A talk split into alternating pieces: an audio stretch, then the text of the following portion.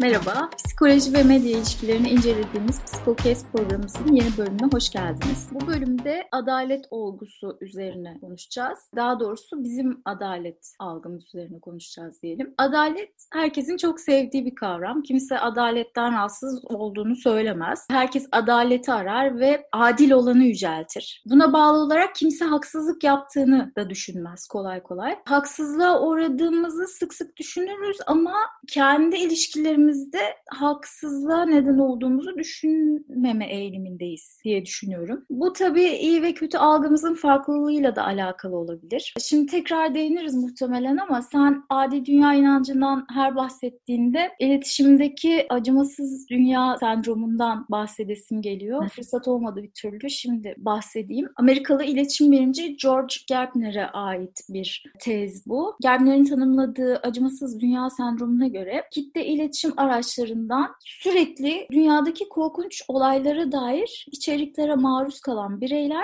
dünyanın aslında korkunç bir yer olduğuna dair kuvvetli bir inanç geliştirir ve gerçeklikten yavaş yavaş koparak bu içerikleri korktukça daha çok tüketirler, tükettikçe daha çok korkarlar. Hı hı. Bu da bireylerin medya iletişim araçlarının kontrolünü elinde tutan otoriteye daha bağımlı, daha sadık hale gelmesine yol açar diye yorumlayarak devam ediyor kuram. E, bu yorum tabii sosyal medya dinamikleriyle ne kadar örtüşüyor orası tartışmalı bence. Ama gerek geleneksel medyayı e, gerekse yeni medyayı tüketen bireylerde ortak bir dünyanın acımasızlığı algısı olduğu söylenebilir bence. Olumsuz içerikleri daha çok tüketiyoruz. Bunlar hakkında daha çok konuşuyoruz. Olumlu mesajlar daha çok dalga konusu olabiliyor. Nilkara İbrahimgil'in pandemi yorumunda yaşanan gibi. Bütün bu tüketim sürecinde ise acımasız olanın, haksız olanın hep diğer insanlar olduğunu düşünüyoruz. Yani haksızlık ve kötülük hep bizim dışımızda gelişen şeyler. Buna bağlı olarak sosyal medyada adalet arama diye bir fenomen yerleşti mesela hayatımıza. Aradığımız hakkın kesin adalet olduğuna çok eminiz. Peki adil olana nasıl karar veriyoruz hocam? Adil olan neden hep biziz? Çünkü adil olan biz olmazsak yaşam bizim için çok yaşanabilir olmayacak. Her bireyin kendi benlik kavramı içerisinde iyi olanın, güzel olanın kendisi olduğuna ilişkin bir şeması var. Buna sahip olması lazım ki kişi kendini olumlu değerlendirebilsin ve bir nebze sevebilsin. Eğer biri iyi ise, eğer biri güzel ise aynı zamanda adildir de. O yüzden de aslında kendisinin adil olmadığına ilişkin bir düşünceye sahip olması kişiyi ciddi anlamda bir bilişsel çelişkiye sürükleyebilir. O yüzden de kendinin her zaman adil olduğunu olduğunu düşünür. Bu birincisi aslında. Ama kendinin her zaman adil olduğunu düşünürken adaleti nasıl tanımlar? İşte adil olanın ne olduğuna nasıl karar veriyoruz da geldiğimizde dünyada ne kadar insan varsa aslında o kadar adalet kavramı var ne yazık ki. Yani üstüne çok fazla fikir birliğinde olabildiğimiz bir kavram değil adalet. Ve adalet kendi içerisinde çok fazla parçaları olan, çok fazla alt kültürü de olan bir kavram. Benim çok sevdiğim Schmitz'in bir lafı vardır. Adalet mahalledir der. Ne kadar farklı mahalle varsa, ne kadar farklı değer yargıları varsa, ne kadar farklı farklı alt kültürü varsa adalet o kadar değişen bir şey. Ve bir noktada birbirimize nasıl davranmamız gerektiğini ya da nasıl davranacağımızı da belirleyen bir şey adalet. Çünkü adil olan şekilde davranmamız gerektiğine ilişkin bir yargımız var. Yapılan araştırmalar ya da bunun üzerine yazılan pek çok şeye baktığınızda ben Sandel'in Adalet kitabını çok seviyorum. Michael Sandel'in Adalet kitabını. Belki dinleyenler de okumak isterler. Bu meseleye ilişkin var olan tartışmaları çok da güzel özetliyor bence. Orada çok güzel bir örnekle başlar. İşte Amerika'da gerçekleşmiş olan bir kasırgada normal normalde 5 dolara satılan buz torbalarının 50 dolara satılmasının adil olup olmadığı tartışması üzerinden devam eder. Bu tartışmada da aslında taraflar şunu söylerler. Bir taraf der ki,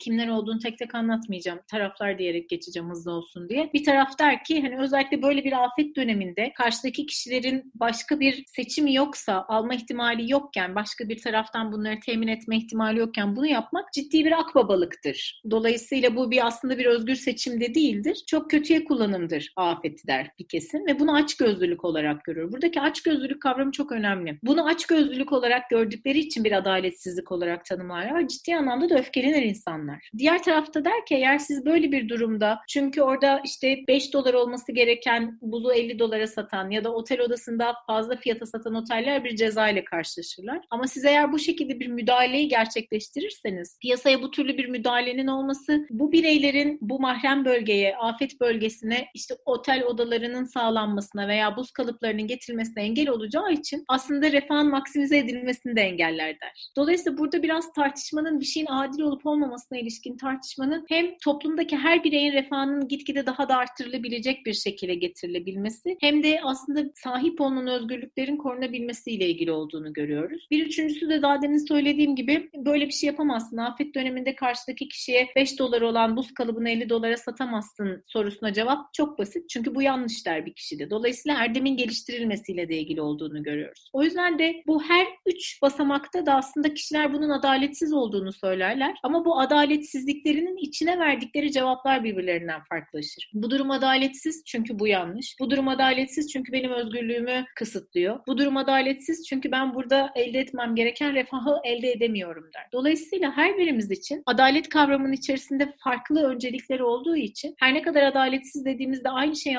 anladığımızı düşünsek de aynı şeyi anlamıyoruz. Ve bu da bir durumun adaletsizlik olarak algılanması ciddi anlamda da öfkeyi ortaya çıkartıyor. Özellikle de o durumda bir açgözlülük olduğunu düşünüyorsak çok fazla adaletsizliği ortaya çıkartıyor. Ya da o durumda bir başarısızlık olduğunu düşünüyorsak yani kişinin yapması gerekeni düzgün bir şekilde yapmadığını düşünüyorsak ciddi anlamda bir adaletsizliği ortaya çıkartıyor. O yüzden de adalet kavramı çok zor bir kavram. Burada aslında kurallar üzerinde hem fikir olmamız gerekiyor. Adaletin birden fazla çeşidi var derken söylenen şey de budur mesela. İşte birinin işlediği bir suçun karşılığında o suça denk olan bir ceza almasından bahsediyorsanız aslında cezalandırıcı adaletten, bir bedel ödeme adaletinden bahsediyorsunuz. Ama adalet sadece bir zanlının alması gereken ya da işte bir katilin alması gereken cezayı alması, ona denk düşmesi demek değil. Adalet aynı zamanda geriye kalan kurbanın ailesinin sahip olduğu o kaybın tanzim edilmesi de demek. Ve bu tanzimin içerisinde ciddi anlamda bazı duygusal ağırlıklar da var. O yüzden mesela onarıcı adalet dediğimiz bir süreç de var. Onarıcı adalet birazcık daha geride kalanların veya kurbanın veya kurbanın ailesinin sahip olduğu o duygusal yükün tanzimine odaklanır. Onun onarılmasına odaklanır. Ya da bütün bu süreçler içerisinde sadece suçu veya cezayı tanımlayamayız adalette. En basiti bence en çok atlanılanı ve aslında en de kritik olanlarından bir tanesi. İşte bu Amerikan filmlerini izlediğimizde aa ne kadar enteresan şeyler tartışıyorlar demelerine sebep olan şey bu. İşlemsel adalet. Biz bir süreçte herkesin aynı işlemden geçmesi,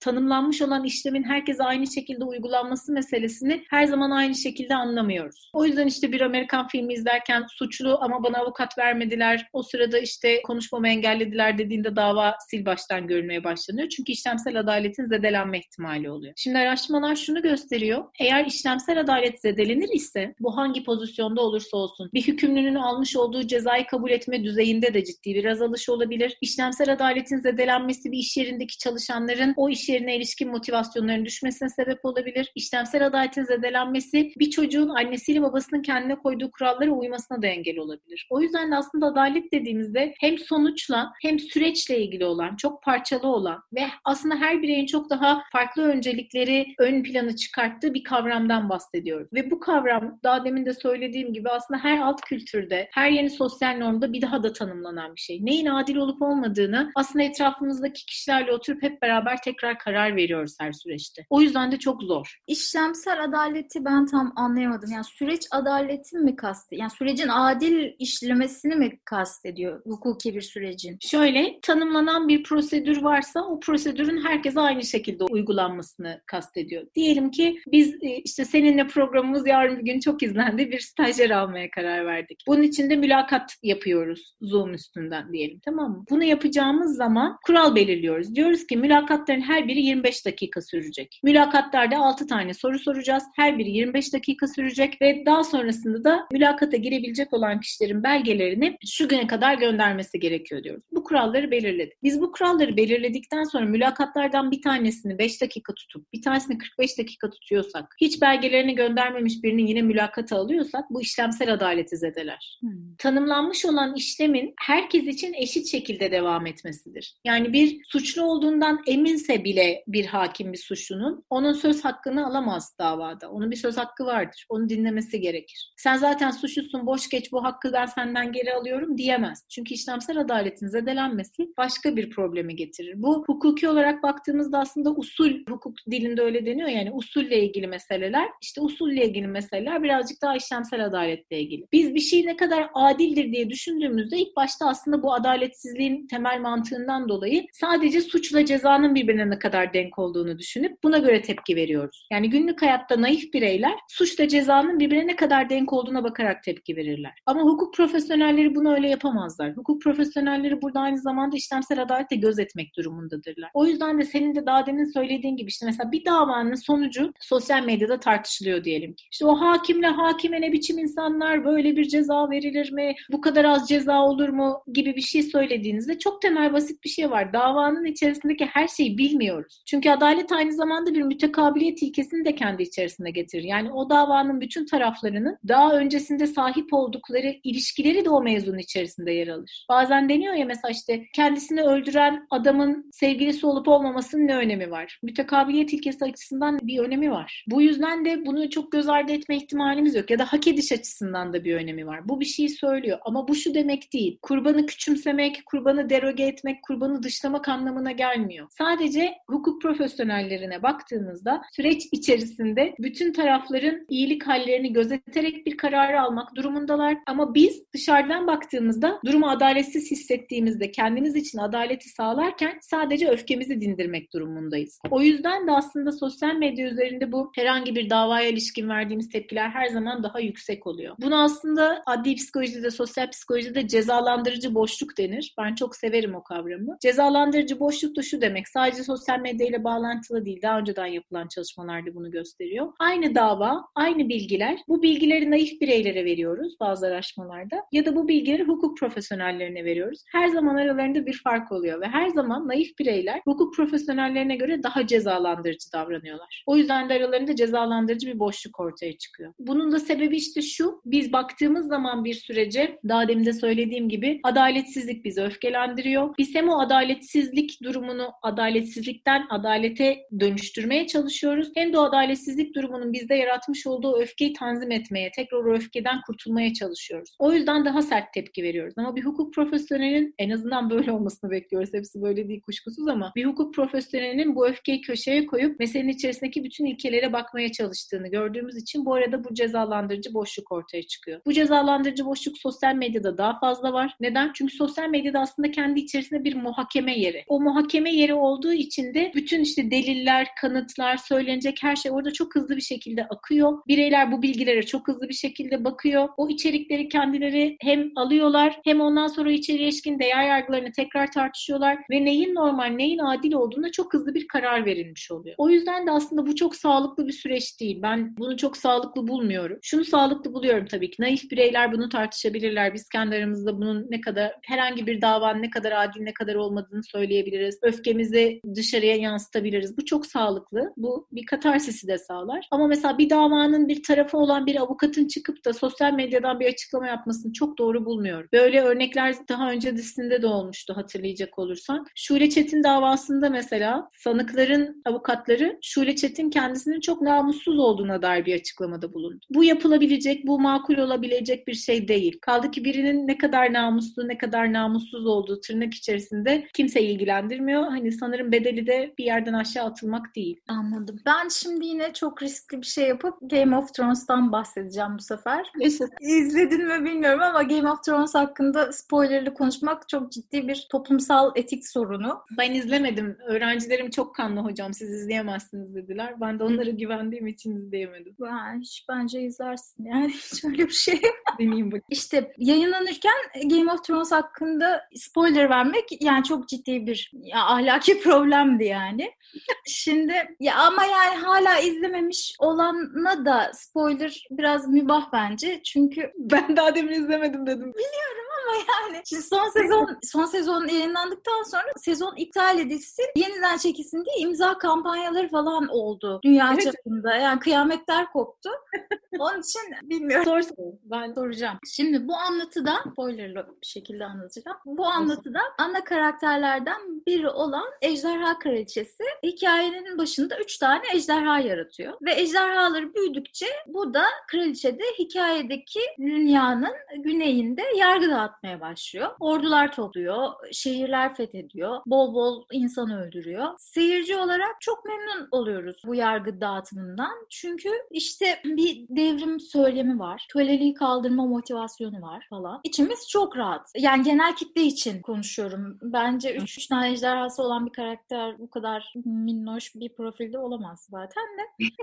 Sonra kuzeye geliyor bu kraliçe ve olanlar orada oluyor. Kendini kabul ettiremiyor başta. Kuzeyin özgür insanları ona minnet duymuyor. Kendini sevdiremiyor ya da kendisi sevdiremediğini hissediyor ve sonunda artık büyük bir katliam yapıyor. Madem sevmiyorlar o zaman korksunlar söylemiyle falan. İşin sonunda korkacak insan da pek kalmıyor gerçi de biz bu yaptığının katliam olduğu konusunda hem fikir oluyoruz genel olarak. Çünkü masum sivilleri öldürüyor işte öyle düşünüyoruz yani biz. Ama güneydeyken yaptığı katliamları katliam olarak görmedik. Çünkü işte soyluları öldürdü çoğunlukla. Azat ettiği köleler gönüllü olarak kendisine katıldı güneyde vesaire. Ama mesela kuzeyde yaptığı katliamdan ordusundaki azat edilmiş köleler de çok memnun. Katliamın ardından yaptığı zafer konuşmasının sırasında acayip coşkulu bir şekilde selamlıyorlar kraliçeyi çünkü. Yani hikayenin başında azat edilmiş köle ordusuyla aynı hislerdeyiz. Aynı noktadayız. Kraliçenin adalet dağıttığını düşünüyoruz. Sonra kuzeydeki katliamda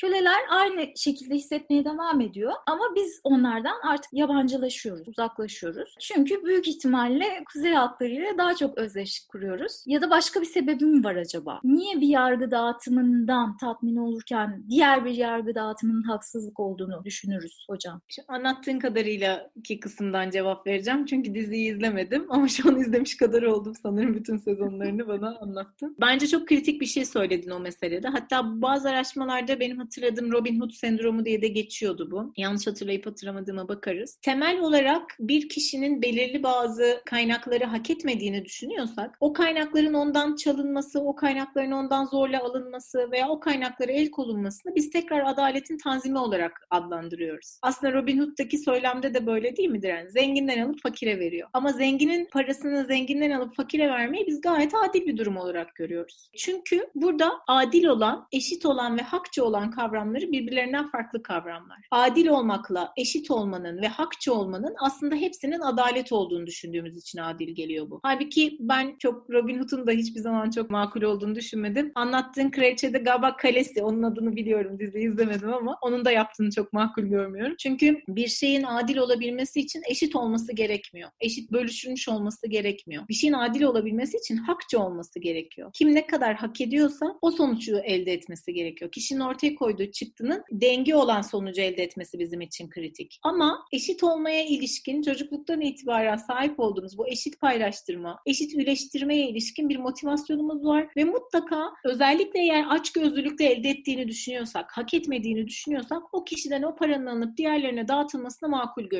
Bunun aynısını başka yerlerde de görebiliriz. İşte daha öncesinde de konuşmuştuk. Acun Ilıcalı'nın parası hepimize batıyor. Yani ne zaman bir yerde yardım yapıyor olsa, ne zaman bir şey düzenliyor olsa şöyle tweetler görüyorum ben mesela altında. O yardımla milletten toplayacağına versene kendin bir milyon dolar. Neden? Yani hani çalışmış bir şekilde elde etmiş. Çünkü o paranın hak edilerek kazanılmadığını düşünüyoruz. O yüzden de hak edilmeyen bir şekilde de dağıtımını çok makul görüyoruz. Senin anlattığın kadarıyla da dizide aslında ilk başta soyluların ve zenginlerin çok hak etmeden kendilerine doğrudan kan bağıyla gelmiş olan bu zenginliğin ortadan kaldırılması var. Ama daha sonrasında dizinin devamında daha kuzey halklarına doğru geldiğimizde halkların ortadan kaldırılması var. O yüzden de bu ikisinin arasındaki fark bence baştan sahip oldukları o zenginlik düzeyiyle ilgili. Bu ne yazık ki böyle. Bu benim çok hoşlandığım bir durum değil. Yani biri zenginse çok zengin olmasa da olur. Onun zenginliğini bir şekilde alıp diğerlerine dağıtırsak daha eşit olabileceği için daha adil olduğunu düşünüyoruz. Halbuki bunu bizim yapmamız yerine belki zengin kendisi bir şekilde farklı bir pozisyonda yapabilir ve bir hakçılık ilkesi üzerine oturtabilir. Evet. E, bu arada yani şey ben bir karakterden bahsettim. Bence yine de izle hocam diziyi. çok tamam. farklı bir sürü karakter var çünkü çok yani çok enteresan bir hikaye. Tamam. Çok da başarılı zaten. Bu haftanın ödevi bana bu olsun. E, ben kaç defa linç yedim Twitter'dan. Gerçekten. Gerçekten çok şey sansasyonel konuşmak bile şey yani. Bir tane daha soru soracağım. Daha nitelikli soru sorabileyim diye bir şeyler okumak için aldığım sosyal psikoloji kitabında mahkemelerdeki jüri süreçlerine baktım biraz. Bizim hukuk sistemimizde jüri olmadığı için tabii fazla bilmiyoruz ama karar aşamasında büyük bir payı var jürinin bildiğim kadarıyla. Evet. Ya yani Amerikan hukuk sisteminde yani. Birleşik Krallık'ta da öyle sanırım. Hı hı. İşte kitapta jürinin karar verme süreciyle ilgili iddia makamının ve savunmanın olayı sunuş sürecinin önemli olduğundan bahsediliyor. İşte hikaye kronolojik olarak verilip tanıklar da bu düzende konuşturulunca jürinin daha çok ikna olduğuna dair araştırmalar yapılmış. Yani savunma makamı olayı kronolojik olarak verirse savunma makamına daha yakın, iddia makamı kronolojik sırayı takip ederse iddia makamına daha yakın karar veriyorlarmış jüri üyeleri. Evet. Yani bana bu özdeşlik kurma meselesi gibi geliyor yine. Çünkü hikaye şeklinde akan ve anlatıda klasik hikaye anlatımında yani. Kendimizi olayın daha merkezinde hissederiz ve daha fazla empati sürecine girebiliriz. Tabii bu çıkarımın yanlış olma ihtimali de yüksek ama sen düzeltirsin şimdi ne de olsa. Kitapta da geçiyor. Bu konuda çok ünlü olan 12 Angry Men filminde mahkemenin jüri odasında gerçekleşen sürecin anlatıldığını görüyoruz. Hı hı. İşte filmde jürilerden biri hariç hepsinin hem fikir olduğu bir kararı o tek bir jürinin nasıl tersine çevirdiğini görüyoruz. Hı. O tek bir jüri üyesi sayesinde adaletin tam tersine döndüğünü görüyoruz yani. Hı hı. Kitapta normalde yani sosyal psikoloji kitabında normalde pek böyle olmadığı yazıyor ama adil olana karar verme sürecimizde çoğunluğun fikri ne kadar etkilidir hocam? Aslında çok etkili. Orada filmdeki bahsettiği işte herkesin fikrini değiştiren tek jüri üyesinin kitapta örnek olarak verilmesinin de sebebi azınlık etkisini anlatmak için. Bazen azınlık kendi içerisinde hep tutarlı ise, grup saygınlığı yüksek bir azınlıksa, iddiaları çok temelli ise ki filmdeki aslında o tek jüri üyesinin öyle. Azınlık bazen çoğunluğu etkileyebilir ama bu çok istisnai bir durumdur açıkçası. Dediğim gibi azınlığın böyle karizmatik bazı özelliklerinin olması lazım bunu gerçekleştirebilmesi için. Onun dışında tam da senin söylediğin gibi etrafımızdaki diğer kişiler bir meselede nasıl düşünüyorlarsa biz genellikle çoğunluğun düşündüğünün daha adil olduğunu düşünmeye ilişkin bir meyle sahibiz zaten. Öyle bir meylimiz var. İşte o yüzden adalet mahalle. Etraftakiler ne diyorsa adil olan da birazcık onların söylediği gibi oluyor. Bize yansıyor bu. Daha öncesinde de söylediğin hani bunun bir hikaye olarak verilmesinin aslında jüriyi daha fazla ikna etmesi meselesine bakacak olursak orada evet araştırmalar bunu gösteriyor. Senin söylediğin bence gayet doğru. Jüri sistemindeki en kritik meselelerden bir tanesi şu. Bir özdeşim kurması lazım. Eğer işte sanık tarafındaysa yani savunma makamı ise sanıkla özdeşim kurması için çabalıyor. İddia makamı ise kurbanla özdeşim kurması için çabalıyor. O yüzden de bunun bir hikaye olarak veriliyor olması çok makul. Ama bir diğer sebebi de aslında bellek hataları. Bellek hatalarıyla da ilgili olan kısım şu. Biz e, adli psikoloji yapılan çalışmalarda şunu biliyoruz. Eğer bir kişi hikayeyi başlangıçtan sonuna doğru anlatıyor ama sondan geriye doğru saramıyorsa, bir olaydan öncesini pat diye sorduğunuzda yerini tam oturtamıyorsa buralarda bazı bellek hataları oluyor olabilir. Yani hikayeyi doğru hatırlayamıyor olabilir. Ve anlata anlata da hikayeyi yapılandırmış olabilir. Şimdi genel olarak da insanlar bir hikayeyi aynı dizilimde anlattıktan sonra terse doğru anlatmada bu türde takılmaların olmasını aslında o kişinin tırnak içinde yalan söylemesi olarak kodlarlar. O yüzden de jüri için aslında hikayenin olabildiğince dolu bir şekilde anlatılmasının bir önemi var. Yani tanığın veya tanığın orada ne kadar güvenilir olarak algılanacağını sağlayan, kaynağın ne kadar güvenilir olarak algılanacağını sağlayan şeylerden bir tanesi de hikayenin tam anlamıyla oturtularak anlatılıyor olması. O yüzden de aslında jüri meselesinde bu var. Bence jüri meselesi çok güzel bir konu. Daha sonrasında da belki bunu konuşabiliriz. Hani işte bu kıta Avrupası hukuk sistemiyle Anglo-Sakson hukuk sisteminin çok böyle hani birbirleriyle farklı formatları. Ben çocukken belki babamın da etkisiyle çünkü babamla da hep bunu çok tartışırdık. Jüri sisteminin çok daha iyi bir sistem olduğunu düşünürdüm. Ya da böyle bu empoze büyük bir ihtimalle bize popüler kültürde de çok fazla veriliyordu. Ama sosyal psikolog olduğunda çok net karar verdiğim bir şey vardı. Kesinlikle daha kötü bir sistem olduğuna karar verdim. Daha kötü derken şöyle, daha fazla yanıltıcı kararların çıkabildiğine, oradaki bireylerin daha sonra daha fazla pişman olabilmesinin söz konusu olduğunu gördüm. Çünkü hani bir grup kararı bireysel karara göre birazcık daha bazı zamanlarda sağ sola daha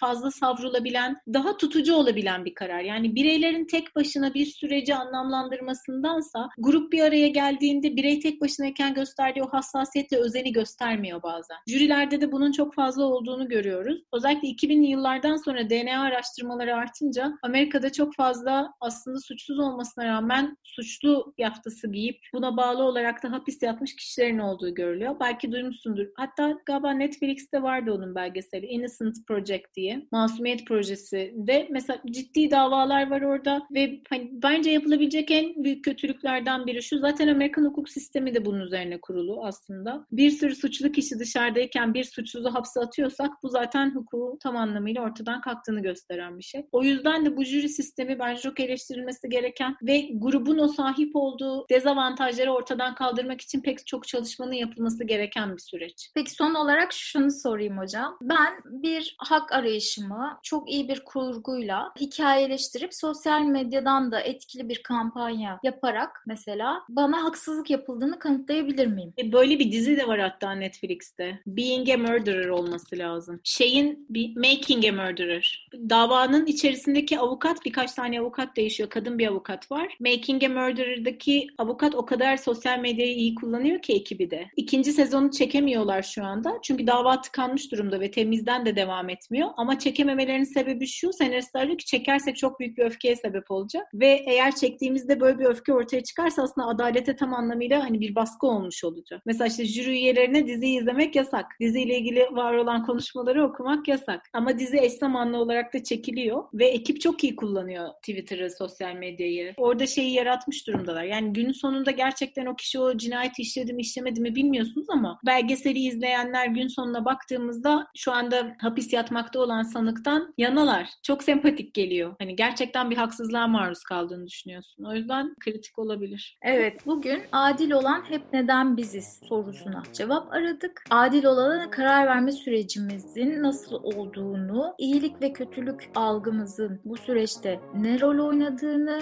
ve başkaları için adil olan şeyin niye bize adil gelmediğini ve bize adil gelen şeyin niye başkalarına adil gelmediğine dair süreçleri çok güzel anlattı Yasemin hocamız. Bizi dinlediğiniz için teşekkür ederiz. Geri bildirimlerinizi sosyal medya hesaplarımızdan ve maillerimizden bize ulaştırabilirsiniz. betülürseven.gmail.com ve yasemin.a.hacettepe.edu.tr adreslerine geri bildirimlerinizi bekliyoruz. Haftaya görüşmek dileğiyle. Hoşçakalın. Hoşçakalın.